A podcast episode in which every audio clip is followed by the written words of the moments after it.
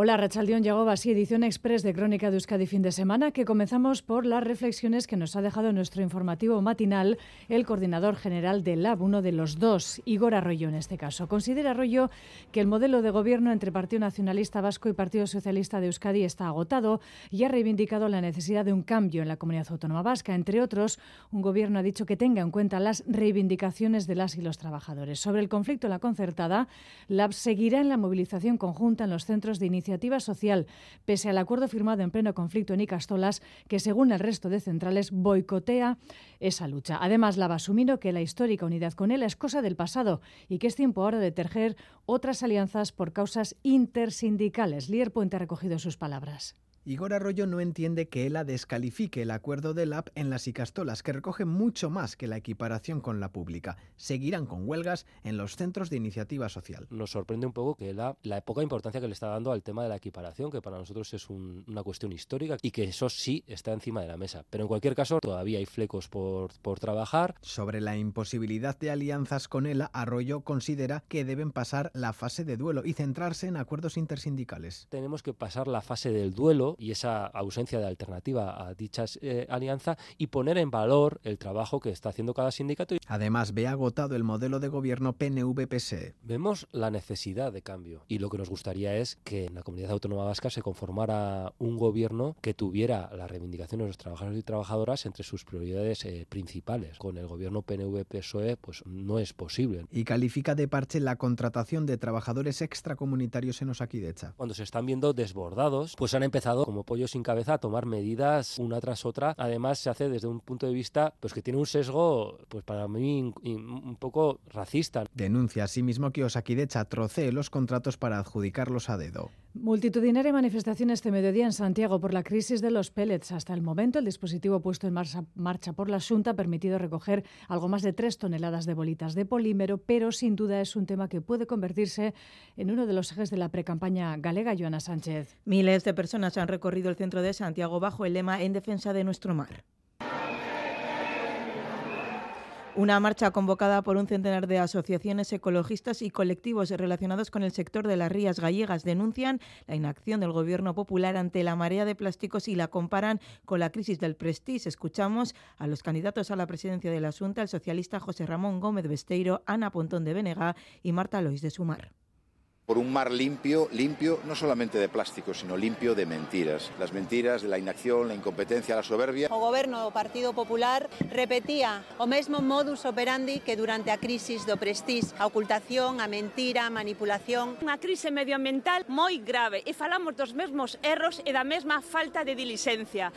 Presencia masiva también de trabajadores de las rías y mariscadores exigen soluciones a esta nueva crisis que es el colofón a las pérdidas que el sector lleva acumulando en la última década. Gracias, Ivana. Las direcciones de los dos partidos señalados, PP y PSOE, están este fin de semana precisamente también en Galicia. La crisis de los arenales se ha colado, por ejemplo, en el cónclave socialista. Nerea Sarriegui Sánchez ha pedido a Feijó que se sume a los acuerdos y deje de lado a Vox. Y el líder del Partido Popular insiste en que el Partido Socialista ha vendido España adelante.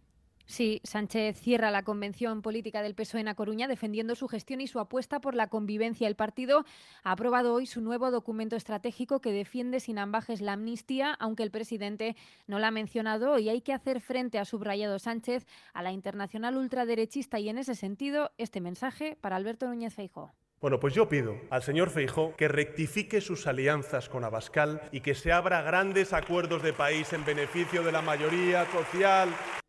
Pero de momento no hay espacio para acuerdos ni grandes ni pequeños. Feijó, que clausuraba la interparlamentaria del PP Nourense, ha insistido en que Sánchez vende España al independentismo. Todo absolutamente en España está en venta. Comercian con la calidad democrática, comercian con las instituciones, comercian con los presupuestos del Estado, Galicia será el escenario también los próximos fines de semana. Queda un mes para acudir a las urnas. Sánchez y Feijóo llaman a la participación y marcan la pauta para unas elecciones con eco estatal. El Partido Socialista de Euskadi y también el Partido Socialista de Navarra han tenido una destacada participación en este cónclave. Su secretario general, Eneco Andueza, hablamos del cónclave socialista, lógicamente. Andueza considera que la formación ha salido reforzada del encuentro. Estoy convencido que este impulso también nos va a servir de mucho para, para Euskadi, para volver a repetir los excelentes resultados que obtuvimos en las pasadas elecciones generales de julio y poder así liderar el futuro de Euskadi. Y en clave política también eh, vasca, Euskal Herria Bildu considera que PNV y Partido Socialista van tarde con sus políticas para promover la emancipación de las y los jóvenes. Piden pasar de las palabras a los hechos y por ello han reiterado su petición de que se declaren zonas tensionadas las localidades en las que ellos gobiernan, aprovechando las herramientas que ofrece la ley de vivienda que apoyó Euskal Herria Bildu en Madrid. Además van a presentar mociones en los ayuntamientos en los que están, en este caso, en la oposición. El primer municipio en tramitar la petición fue Rentería y el viernes llegaron a un acuerdo en Gasteiz. Ollana Echevarrieta, portavoz de campaña de Euskal Herria Bildu. Eh, el modelo de Euskal Herria Bildu es un modelo que quiere pasar de las palabras a los hechos, que quiere poner encima de la mesa proyectos concretos, cooperativos y que se avanzan a los problemas eh, que estamos. Eh, viendo y sufriendo en estos momentos. El gobierno de EAJ-PNV y el PSOE llegan tarde y mal a esta problemática concreta también.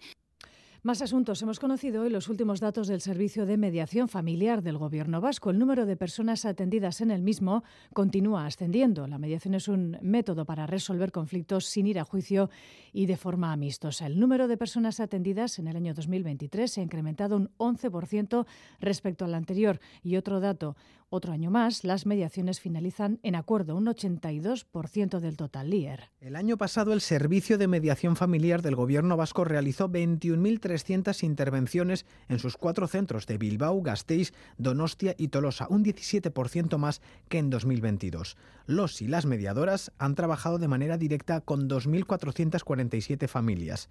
Una de estas profesionales es Elia Barinaga Rementería. Que las personas puedan venir a un lugar neutral e imparcial para poder hablar sobre conflictos o situaciones familiares que estén viviendo. Se ofrece un espacio de comunicación que muchas veces evita procesos judiciales, con lo que suponen esos procesos, bien económicamente y bien emocionalmente hablando. Entre los temas que tratan, la ruptura de la pareja acapara el 86% de los casos. Hay veces cuando hay menores de edad que después de acudir a nosotros, las personas tienen que pasar por un proceso judicial para poder obtener el, divorcio. Se consiguen acuerdos que después permiten que esa tramitación judicial sea más fácil. El sistema funciona. Otro año más, las mediaciones que finalizan con acuerdos son mayoría, un 82%. Solo un 2% de los procesos han resultado inviables, 18 expedientes en total.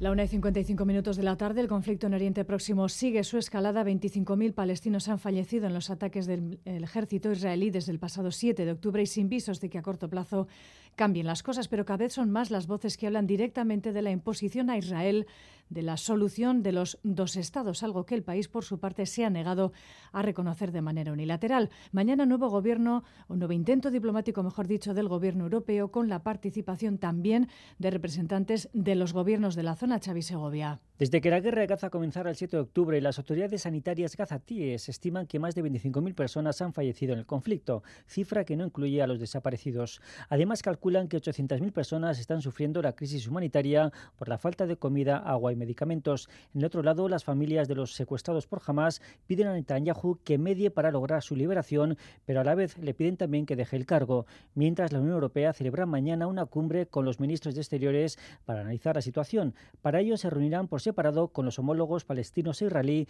pero también con los de Egipto, Arabia Saudí y Jordania. El líder de la diplomacia europea, Josep Borrell, acaba de hacer un llamamiento a la paz a todos los representantes políticos. Para luchar contra la violencia hay que crear una cultura política de paz.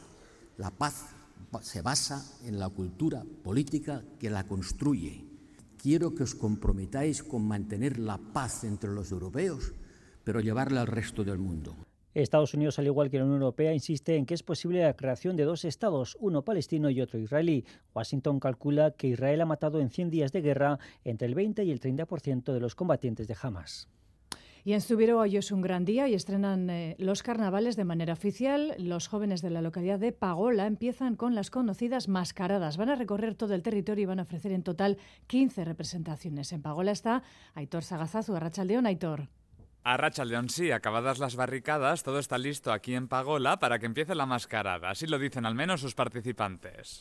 Zer kontente, presatia egin hau arribatzia. Motibatuak, pixkat oztuik ere. Untsa, pixkat estresatiak inan goizuntan, me... Dena emanen dugu. Es la primera vez que las y los pagolarras organizan una mascarada y la primera vez también que en una mascarada mixta una mujer hace del personaje principal Cabana. Ainara Guerrelaco destaca la dinámica que se ha creado en el pueblo. Egiari ekartzen du dinamika bat belaunalien artekoa, eh, laguntza, elkar laguntza, bakotsak bestia ikasu egitea, ekartzen du laguntasun bat eta harreman biziki sendo batzuk sortzen ditu, bakarrik gaizahunak gue herritipientako. Y no solo en Pagola, irán a otros 12 municipios de Zuberoa, así como al vecino bajo Navarro Donaisti, para volver a casa el 27 de abril. Pero antes la cita de hoy está dada para después de comer, pasadas las 3 de la tarde, aquí, en la plaza de Pagola.